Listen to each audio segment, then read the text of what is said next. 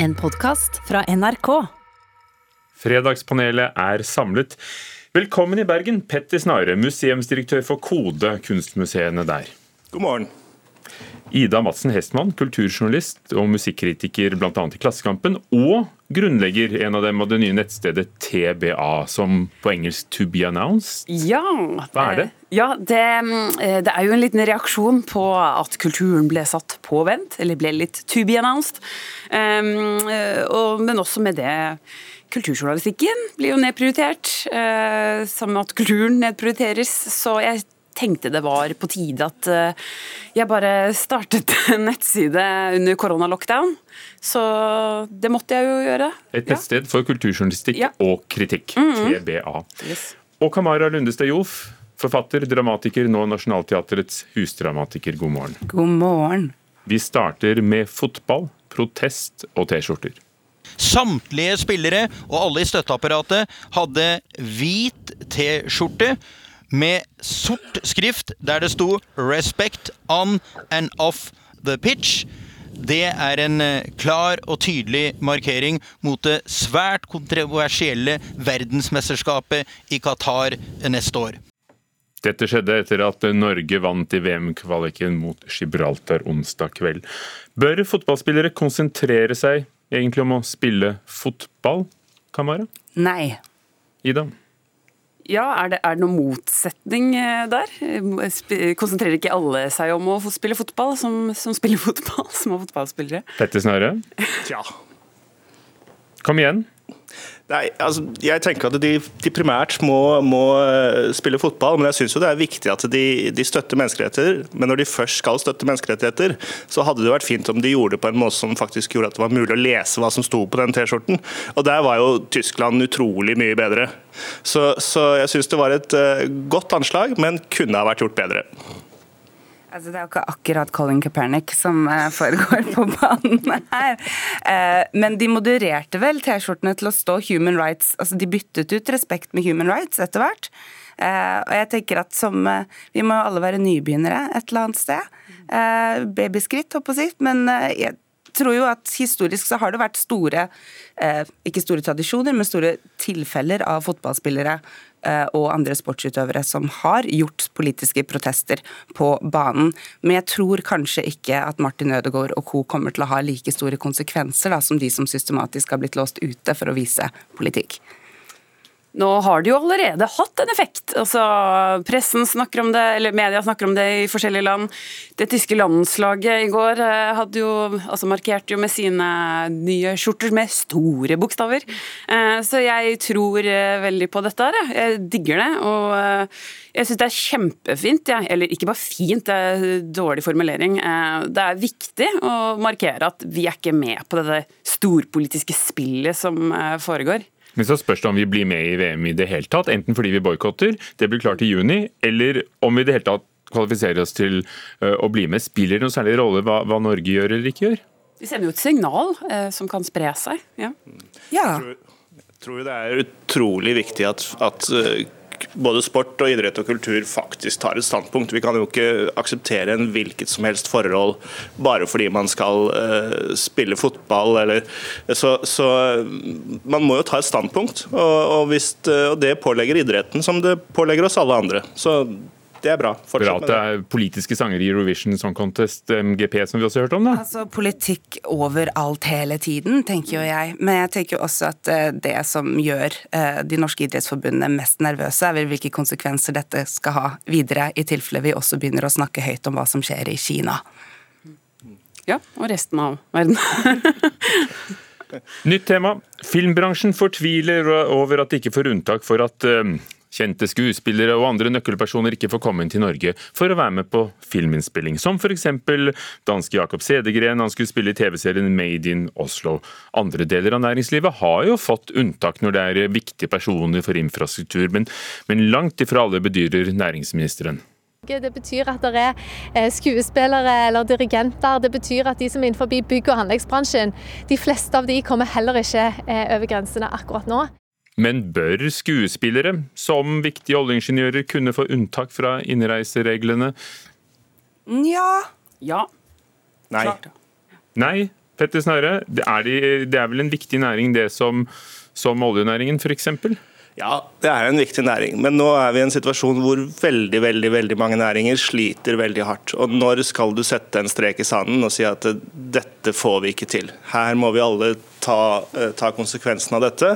Og, og eh, Riktignok så taper de mye penger, men hvor mye taper ikke Oslos næringsliv hver eneste dag på å holde stengt? Mye, mye mer. Så her tror jeg faktisk kulturen også må være bevisst på at vi har en, vi har en uh, rolle.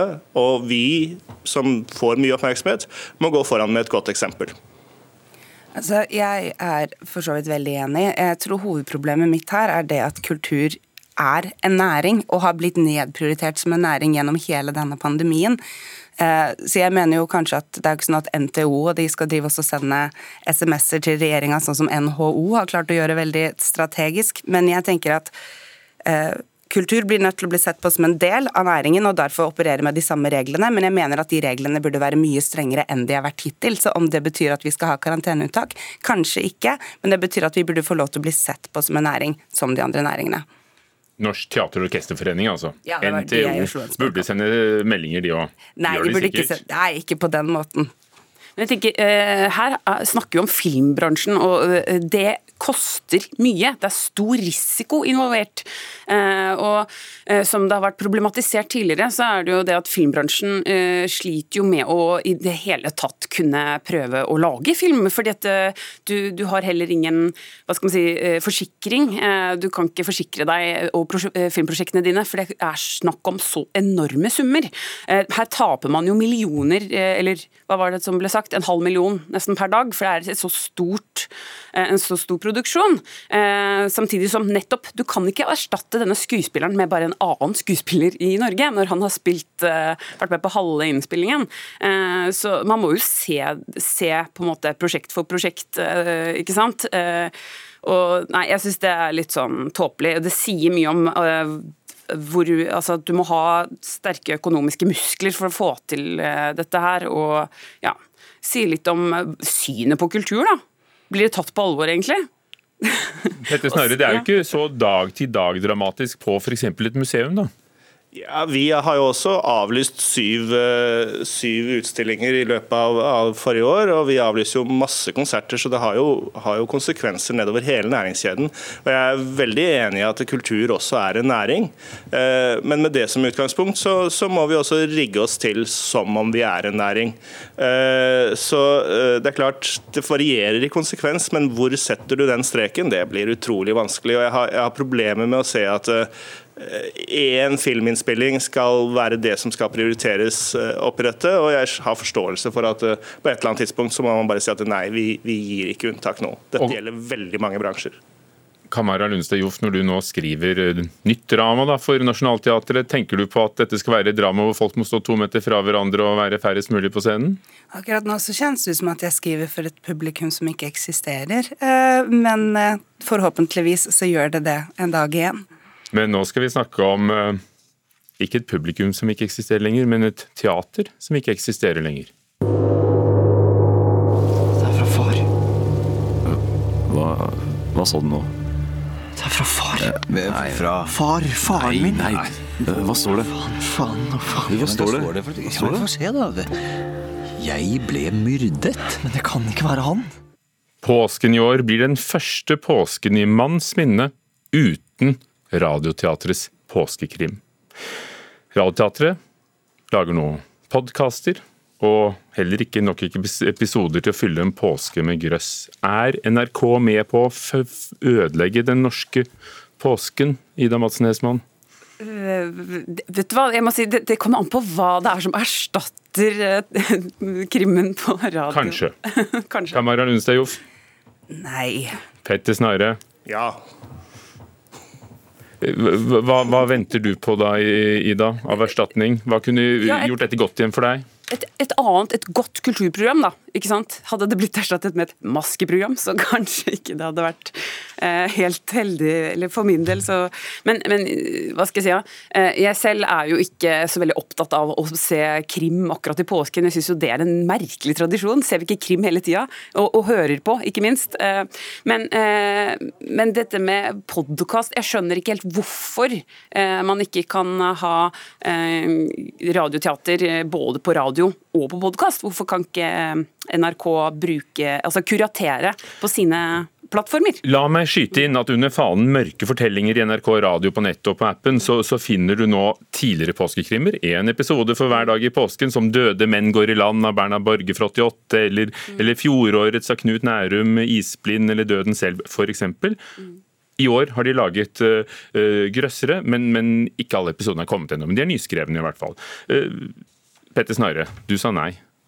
Ja, Den norske påsken er jo, en, er jo, en, sosial og kulturell konstruksjon som har jo forlatt sitt kristne utgangspunkt, og, og nå handler om fjell og bypåske og Kvikk Lunsj og, og eh, appelsiner og den type ting. Og, og i det som da er en viktig del av det å ha en norsk påske, så har jo radiokrimmen vært, vært, helt sentral, tenker jeg. Og, det er synd at man, at man, nå på en måte river litt løs i, i det som har bundet oss sammen rundt radioapparatene.